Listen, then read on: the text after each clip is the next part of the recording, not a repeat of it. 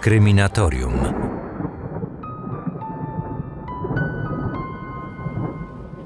Dziś historia człowieka, który może być sąsiadem każdego z nas. Człowieka, którego codziennie możemy mijać na ulicy. Na jego uśmiech odpowiadamy uśmiechem i nawet przez sekundę nie pomyślimy, że to bestia. Potwór z Cleveland. To temat, który wybraliście wy. Co jakiś czas na moim instagramowym profilu zamieszczam ankietę z prośbą, abyście pomogli mi wybrać temat na nadchodzący odcinek Kryminatorium. Tym razem wybraliście historię porywacza z Cleveland. Za chwilę przejdziemy do naszej historii, ale jeszcze przypomnę, że już jutro, czyli we wtorek, dzień po publikacji Kryminatorium, na Empik Go trafi szósty, ostatni już odcinek naszej dedykowanej serii dla tego serwisu. Macie więc możliwość przesłuchać wszystkich sześciu odcinków za jednym razem, jeżeli jeszcze tego nie zrobiliście. Aby słuchać, wystarczy ściągnąć aplikację Empik Go na swojego smartfona. Przez pierwsze 7 dni możecie testować bezpłatnie. Później w miesięcznym abonamencie macie dostęp do wielu audiobooków i e-booków. Są tam również pozycje z literatury faktu, są tam również pozycje ze świata kryminału, które na pewno Was zainteresują. Odcinki na Empik Go są w podobnym klimacie jak te regularne poniedziałkowe odcinki na Kryminatorium, z tym, że tam opowiadam o sprawach nieco bardziej aktualnych. Ogólnie cała seria dotyczy najgłośniejszych zbrodni e, z całego świata z ostatnich 20 lat i ostatnia sprawa, czyli ten jutrzejszy odcinek będzie dotyczyć polskiej sprawy, a mianowicie chodzi o zbrodnie w rakowiskach. Zapraszam więc do odsłuchu na Empik Go, a tymczasem przejdźmy do naszej dzisiejszej historii. Kryminatorium. Otwieramy akta tajemnic. 21-letnia Michelle nie miała łatwego życia. Była samotną matką, a jej stosunki z własną rodziną nie układały się najlepiej. 23 sierpnia 2002 roku miała pojawić się w sądzie, gdzie toczyła walkę o opiekę nad swoim trzyletnim synkiem Joeyem. Tego dnia na swojej drodze spotkała Ariela Castro, ojca swojej koleżanki. Zaproponował, że ją podwiezie, a ona się zgodziła. Nie podejrzewała, że mężczyzna może jej wyrządzić krzywdę. Znał ją. Powiedział, że ma w domu urocze szczeniaki, a jeden z nich byłby idealnym prezentem dla jej dziecka. Zaproponował, że od razu pojadą, a ona wybierze tego najładniejszego. Zgodziła się bez chwili wahania. Jednak w domu nie było szczeniaków. Domyśliła się tego, gdy tylko usłyszała ryglowane za nią drzwi. Ariel Castro natychmiast ją obezwładnił. Jej ręce, nogi i szyję oplótł kablem, który przeciągnął przez hak przymocowany do sufitu. Gdy go podciągnął, Michelle zawisła w powietrzu. Mężczyzna stanął przed nią z opuszczonymi spodniami. Żona z dziećmi mnie zostawiła. Chcę tylko, żeby ktoś ze mną był. Jesteś mi teraz potrzebna. Pierwsze chwile swojego uwięzienia Michelle Knight opisała później w książce Znajdź mnie opowieść o niezłomności i nadziei. Kiedy skończył, wisiałam mniej więcej 30 centymetrów nad ziemią twarzą do okna. Miałam wrażenie, że wystawia mnie na pokaz, wiesza mnie jak trofeum na ścianie. Chwilę potem wetknął mi do buzi śmierdzącą skarpetkę i zakleił usta taśmą. Przez knebel mogłam tylko jęczeć, mając nadzieję, że ktoś mnie usłyszy.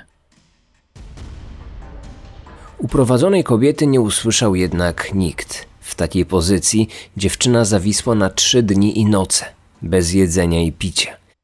Bez możliwości skorzystania z toalety. Przez ten czas Castro nie pojawił się u niej ani razu. Później wracał już bardzo często. Kilka razy dziennie odgłos jego ciężkich kroków był dla Michelle zwiastunem nadchodzących okropności. Mijały tygodnie i miesiące. Każdy dzień wyglądał niemal tak samo. Najpierw przychodził do jej pokoju przed swoim wyjściem do pracy. Później, jak gdyby nigdy nic, rozwoził okoliczne dzieci do szkoły. W trakcie dnia wracał podczas przerwy obiadowej. Trzeci raz odwiedzał ją od razu po powrocie. Gdy późnym wieczorem nie był zmęczony, zaglądał czwarty raz. Każda jego wizyta kończyła się gwałtem. Była obolała, zmęczona i głodna. Jedzenie przynosił jej tylko raz dziennie, jeśli o tym pamiętał. Przez cały czas kobieta była przykuta do ściany zardzewiałym łańcuchem. Jego długość była specjalnie dobrana, aby Michelle nie mogła dosięgnąć ani okna, ani do włącznika światła. Castro nie mógł sobie pozwolić na jakiekolwiek ryzyko, że uda jej się zaalarmować sąsiadów. Za toaletę służyło jej niewielkie wiadro, które opróżniane było nieregularnie. W zamkniętym na klucz pokoju bez przerwy panował okropny odór. Po kilku miesiącach Michelle przestała walczyć. Bezwiednie poddała się woli swojego oprawcy. Już nie prosiła o uwolnienie. Wiedziała, że to nic nie da. Za swoją grzeczność otrzymała nagrodę telewizor, który stał się dla niej jedynym oknem na świat. Liczyła, że usłyszy o sobie w wiadomościach. Miała nadzieję, że policja jej szuka i wkrótce zostanie odnaleziona. Tymczasem dowiedziała się, że jej matka wyprowadziła się na Florydę, a poszukiwań nie prowadził nikt. Zresztą on sam powtarzał jej to wielokrotnie. Teraz musiała mu uwierzyć. Kobieta była przerażona, gdy odkryła, że jest w ciąży.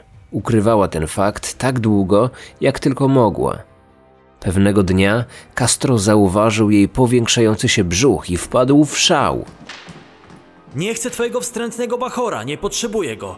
Na pewno nie pozwolę ci urodzić. Chwycił za metalową sztangę i z całej siły uderzył Michelle w brzuch. Poroniła, podobnie jak cztery następne ciąże.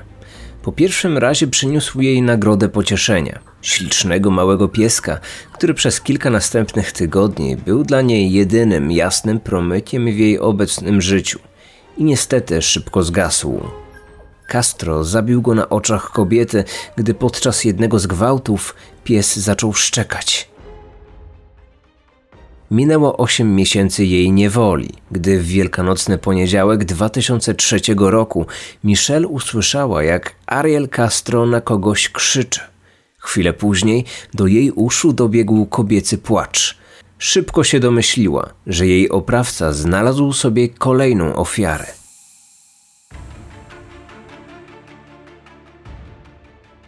Amanda Berry została porwana w przeddzień swoich 17 urodzin. Była kelnerką w Burger Kingu i właśnie wracała pieszo z pracy, gdy tuż przy niej zatrzymał się znajomy czerwony pick-up. Hej, Amanda! Podwieźć cię do domu? Dzień dobry, panie Castro. To bardzo miłe z pana strony, ale nie trzeba. Mam pięć minut drogi. A jak się miewa pańska córka? Angie jest właśnie u mnie. Może masz ochotę się z nią zobaczyć? To jedyna okazja, bo jutro rano wraca już do swojej matki. Wiem, że miała dzisiaj do ciebie zadzwonić, żebyś przyszła. Jasne, czemu nie? W sumie to dawno się nie widziałyśmy. Po przyjeździe do domu Castro informował Amandę, że jego córka się kąpie i przyjdzie za kilka minut. Zaproponował, że zaprowadzi dziewczynę do pokoju Angie, by tam mogła na nią zaczekać. Amanda zgodziła się. O tym, co nastąpiło potem, napisała w swojej książce Nadzieja 10 lat w ciemności. Wchodzimy do małej jadalni, a potem do salonu. Wszędzie jest okropny bałagan. Przechodzimy do sypialni. Panuje tu straszny mrok. Kiedy odwracam się w stronę wyjścia, on blokuje drzwi własnym ciałem. Pytam wystraszona, co on robi, a on rozkazuje mi ściągnąć spodnie. Nagle zrobił się przerażający jego głos, oczy, zachowanie, więc robię co mi każe. Stoję nieruchomo ze spodniami wokół kostek i płaczę. Jak mogłam być tak głupia? Nie powinnam wchodzić do jego domu tylko dlatego, że znam jego córkę. Tymczasem on też ściąga spodnie i zaczyna się dotykać. To odrażające. Kiedy kończy, chwyta mnie za ramiona i zaciąga na łóżko. Tu zrywa ze mnie ubranie i gwałci.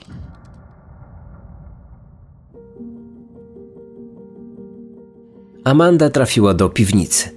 Została przykuta łańcuchem do słupa znajdującego się pośrodku pomieszczenia. Kilka dni leżała na zimnej, betonowej podłodze. Po czterech dniach dziewczyna została przeniesiona do pokoju na piętrze, gdzie czekały na nią warunki identyczne do tych, w których żyła Michelle. Od tej chwili Amanda stała się jego faworytką. Przychodził do niej częściej niż do przetrzymywanej w pokoju obok 21-latki i to właśnie Amanda stała się częstszą ofiarą jego gwałtów. Jeszcze jedna rzecz różniła ją od Michelle.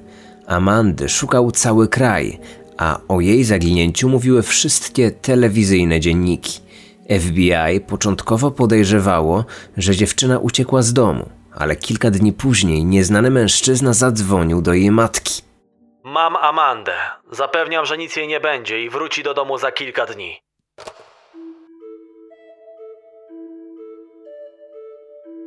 Nie wróciła. Rozpoczęły się poszukiwania, które trwały 10 długich lat. Krótko po zaginięciu siedemnastolatki, lokalna społeczność Cleveland urządziła w dzielnicy, w której widziano ją ostatni raz, wieczorne czuwanie, połączone z modlitwą za jej odnalezienie. W obu tych wydarzeniach czynny udział wziął sam Ariel Castro. Mężczyzna nie tylko głośno intonował religijne pieśni, trzymając w dłoni zapaloną świecę, ale także osobiście pocieszał rodziców Amandy, wlewając w ich zbolałe serca iskrę nadziei na odnalezienie córki. Ten moment uchwyciły telewizyjne kamery. Castro później zmuszał swoje ofiary do oglądania z nim tych nagrań. Dokładnie rok po uprowadzeniu Amandy, w kwietniu 2004 roku, w domu Castro pojawiła się trzecia dziewczyna.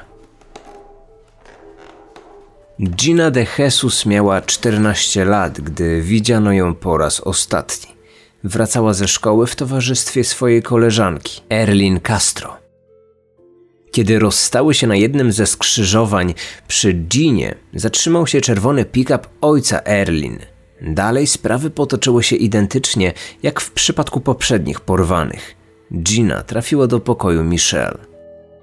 Dziewczyny zostały ze sobą skute łańcuchem. W czasie, gdy jedna z nich była gwałcona, druga musiała się temu przyglądać.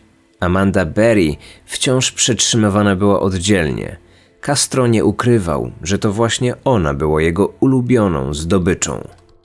Niewola Amandy trwała już trzy lata, gdy w marcu 2006 roku z telewizyjnych wiadomości dowiedziała się o śmierci swojej matki. Pani Berry doznała rozległego zawału kilka dni po tym, jak jedna z wróżek powiedziała, że jej córka nie żyje. Jednak Amanda była pewna, że jej matce po prostu pękło serce.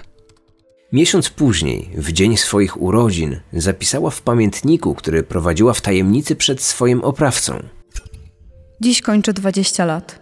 Mam sekret. Chyba jestem w ciąży. Nie dostałam okresu i ciągle wymiotuję. Myślę, że to ma coś wspólnego z moją mamą. To niesamowite. Przez tyle lat nie zaszłam w ciążę. Dopiero teraz, tuż po jej śmierci. Myślę, że mama zesłała mi to dziecko. W ten sposób daje mi anioła. Kogoś, kto pomoże mi przejść przez ten koszmar. Da mi siły i powód do walki. Myślę, że mama zsyła mi cud. Dziecko przyszło na świat w Boże Narodzenie. Ariel Castro był podekscytowany, bardzo pragnął dziecka i chciał je mieć właśnie z Amandą. Był obecny przy narodzinach, trzymając lufę swojego rewolweru wycelowaną w głowę Michelle. To ona miała odebrać poród.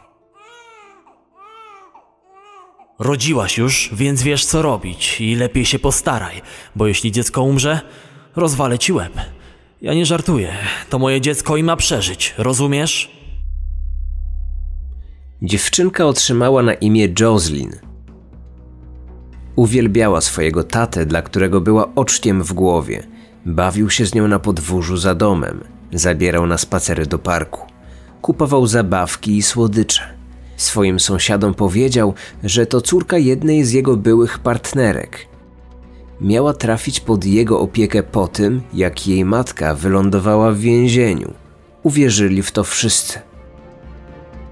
Po urodzeniu Jocelyn restrykcje panujące w domu nieco osłabły. Castro zrezygnował z przykuwania swoich ofiar łańcuchem. Zakazał im jednak wychodzić z pokoi, które podczas swojej nieobecności zamykał na klucz. Karą za każde naruszenie jego zasad było pobicie oraz kilka dni bez jedzenia, picia i toalety. Po domu bez ograniczeń mogła chodzić wyłącznie jego córeczka. Raz Amanda złamała jedną z reguł.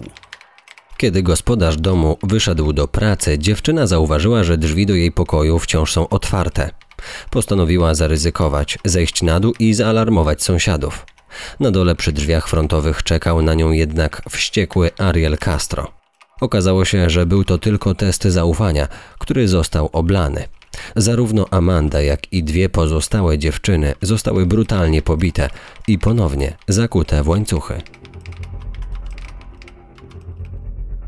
Gdy miesiąc później kara się skończyła, wszystkie były już pewne, że następna podobna próba skończy się dla każdej z nich tragicznie i wiedziały, że Castro nie żartuje. Mijały kolejne tygodnie, miesiące i lata. Uwięzione dziewczyny często były bohaterkami telewizyjnych programów poświęconych poszukiwaniom osób zaginionych.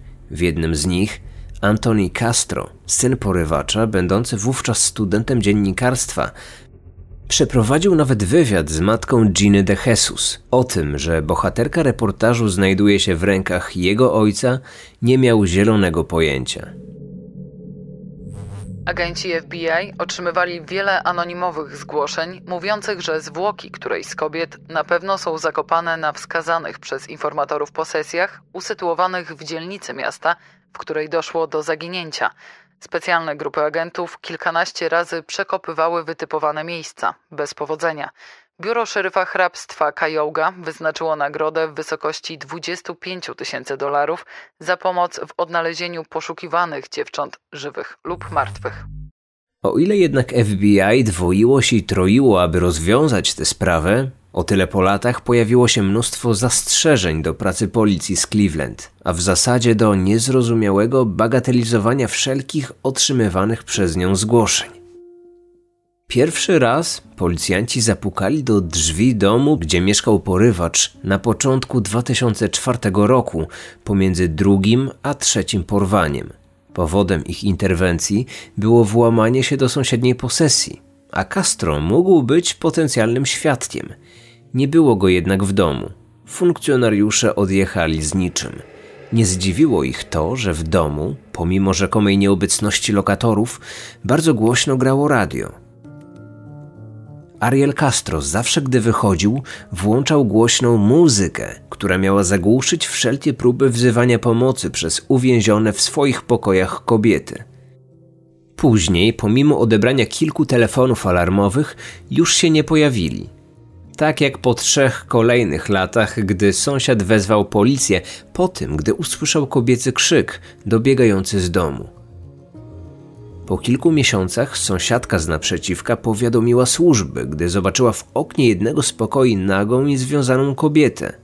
Podobne zgłoszenie miało miejsce niedługo potem. Podczas późniejszego śledztwa Departament Policji w Cleveland zaprzeczył, że takie zgłoszenia kiedykolwiek miały miejsce. Na początku czerwca 2012 roku kolejna sąsiadka była świadkiem innej, niecodziennej sytuacji. Rok później opowiedziała o tym reporterowi CNN. Pewnego dnia Ariel Castro mył swój motocykl na podwórku za swoim domem. Nagle zauważyłam przy nim nagą kobietę, która chodziła za nim krok w krok. Pomyślałam, że to dziwne i nawet krzyknęłam do niej, żeby się lepiej ubrała, bo moje dzieci wrócą niedługo ze szkoły. Wtedy Castro kazał jej wejść do domu. Do mnie krzyknął, żebym się odpieprzyła i pilnowała swojej córki. Wystraszyłam się, więc zadzwoniłam na policję. Najpierw potraktowali to jako żart, a potem obiecali, że wyślą patrol. Chyba mi nie uwierzono, bo policjanci w ogóle się nie pojawili. Z czasem Castro stał się zbyt pewny siebie. Uwierzył, że przejął nad swoimi kobietami całkowitą kontrolę, a one, czy to ze strachu, czy z przywiązania, zaczęły być mu całkowicie oddane. Przestał więc przestrzegać środków ostrożności, których do tej pory tak skrupulatnie pilnował. 6 maja 2013 roku zapomniał o najważniejszej ze swoich zasad. Udając się do pracy, nie zamknął wszystkich drzwi. Pokój Amandy pozostawił otwarty. Kobieta w pierwszej chwili pomyślała, że to kolejny test zaufania i jego oblanie skończy się znowu zakuciem w łańcuch na długie tygodnie. Przez dłuższą chwilę nasłuchiwała, czy z domu dobiegają jakiekolwiek odgłosy. Wszystko wskazywało na to, że Ariela jednak nie ma. Kobieta wiedziała, że jest to jej jedyna szansa na ratunek. Przytuliła do siebie swoją córkę. Aniołku, posłuchaj mnie bardzo uważnie. Mamusia zejdzie teraz na chwilkę na dół. Nie martw się, zaraz wrócę. Ty zostań tutaj. Ale jeśli mamusia cię zawoła, zejdź jak najszybciej. Po prostu zostań tu, dopóki cię nie zawołam. Amanda wzięła głęboki oddech i ostrożnie zaczęła schodzić po schodach. Po zejściu zorientowała się, że Castro rzeczywiście wyjechał do pracy. Gdy kobieta doszła do wewnętrznych drzwi frontowych, spostrzegła, że są otwarte. Zawołała córkę. Ta zbiegła najszybciej jak umiała. Od wolności dzielił je metr, może dwa. Nagle stanęła jak wryta. Poczuła, jak nogi się pod nią ugięły. Dodatkowe drzwi, zamknięte na łańcuch i kłódkę. Nie miałam pojęcia, że tutaj są. Napieram na nie ramieniem, walę pięściami, ale ani drgną. Jocelyn widzi, jak bardzo jestem zdesperowana. Nigdy mnie takiej nie widziała. Wyczuwa moje przerażenie. Każda sekunda wydaje się być godziną. W końcu udaje mi się uchylić drzwi na tyle, by wsunąć dłoń, potem całą rękę. Zaczynam nią machać jak szalona, ale nie widzę nikogo na ulicy. Jeśli Ariel teraz wróci, na pewno mnie zabije. Szczęście uśmiechnęło się jednak do Amandy. Po drugiej stronie ulicy, siedzący na schodach swojego domu czarnoskóry Charles Ramsey jadł właśnie kanapkę. Nagle kątem oka zauważył wystającą z drzwi naprzeciwko damską rękę. Usłyszał też wołanie o pomoc. Zerwał się na równe nogi i przebiegł przez jezdnię. Hej, mamuśka, co tam działasz? Nie możesz wyleźć? Błagam cię, proszę!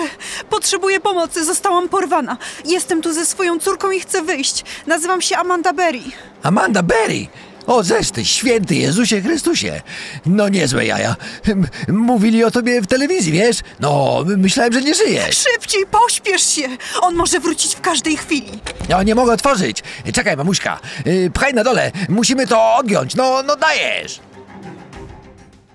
Wspólnie udało im się odgiąć aluminiowe drzwi na tyle szeroko, aby Amanda mogła się przecisnąć. Za nią wyszła jej córka. Charles od razu zadzwonił pod numer alarmowy. Pod domem zebrało się już kilka osób. Jeden mężczyzna podał Amandzie swoją komórkę. Kobieta natychmiast wybrała numer 911. Jestem Amanda Berry. To o mnie mówili w telewizji przez ostatnie lata. Zostałam porwana. Szukano mnie przez 10 lat, ale jestem tutaj. Jestem wolna. Tym razem już nikt nie zignorował zgłoszenia. Pierwszy radiowóz pojawił się po trzech minutach. Po nim przyjechały następne. Do uzbrojonych policjantów podbiegła uratowana kobieta. Jestem Amanda Berry. Błagam, pomóżcie mi. Proszę wsiąść do samochodu. Jest już pani bezpieczna. Zaraz będzie tu ambulans. Czy w środku ktoś jeszcze jest? Tak, jeszcze dwie dziewczyny. Są zamknięte na górze. Mike, zgłoś, że mamy Amandę Berry i że są jeszcze inne. Dzięki Bogu. W końcu cię znaleźliśmy. Ariel Castro został aresztowany jeszcze tego samego dnia. Razem z nim zatrzymano jego dwóch braci. Gdy okazało się, że nie mieli nic wspólnego z porwaniami, zostali wypuszczeni na wolność. Początkowo porywaczowi przedstawiono 329 zarzutów, w tym cztery porwania i wielokrotne gwałty. Dwa miesiące później, po zakończeniu przesłuchań uratowanych kobiet, prokuratura rozszerzyła akt oskarżenia. Łączna liczba zarzutów wzrosła do 977, w tym pięciu morderstw, do których zaliczono wszystkie poronienia wywołane przez Castro u Michelle. W stanie Ohio groziła za to kara śmierci. Adwokaci Castro tuż przed procesem wydali oświadczenie. Mamy nadzieję, że możliwa jest kontynuacja prac nad rozwiązaniem tej sprawy w taki sposób, aby uniknąć niepotrzebnego naszym zdaniem procesu, a co za tym idzie uniknąć także kary śmierci dla naszego klienta. Jesteśmy przekonani, że taki proces miałby negatywny wpływ emocjonalny zarówno na ofiary, jak i na ich rodziny. Za namową swoich obrońców Ariel Castro poszedł na ugodę z prokuraturą. Przyznał się do winy i dobrowolnie poddał się karze. Sąd skazał go na dożywocie plus tysiąc lat pozbawienia wolności bez możliwości ubiegania się o zwolnienie warunkowe. Taki wyrok był możliwy, gdyż w Stanach Zjednoczonych wszystkie kary sumują się. Doszedł do tego całkowity przepadek jego mienia na rzecz hrabstwa Cayoga. Ariel Castro otrzymał również dożywotni zakaz zarobkowania związanego z przestępstwami, których się dopuścił. Oznaczało to, że potwór z Cleveland, jak z czasem zaczęły go nazywać media, nigdy nie będzie mógł czerpać korzyści finansowych z potencjalnych wywiadów, biografii i własnego wizerunku, jeśli będą one dotyczyć sprawy porwania Michelle, Amandy, Barry oraz Giny. Zakaz ten dotyczy również jego ewentualnych spadkobierców. Sąd hrabstwa Kajouga postanowił również, że dom, który przez 11 lat był więzieniem dla przetrzymywanych w nim kobiet, ma zostać zburzony.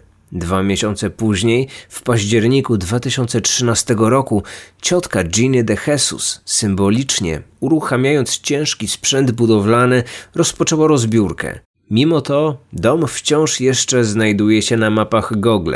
Został on jednak całkowicie zamazany. Michelle Knight odniosła największe obrażenia fizyczne spośród wszystkich porwanych kobiet. Wskutek brutalnego bicia straciła słuch w lewym uchu.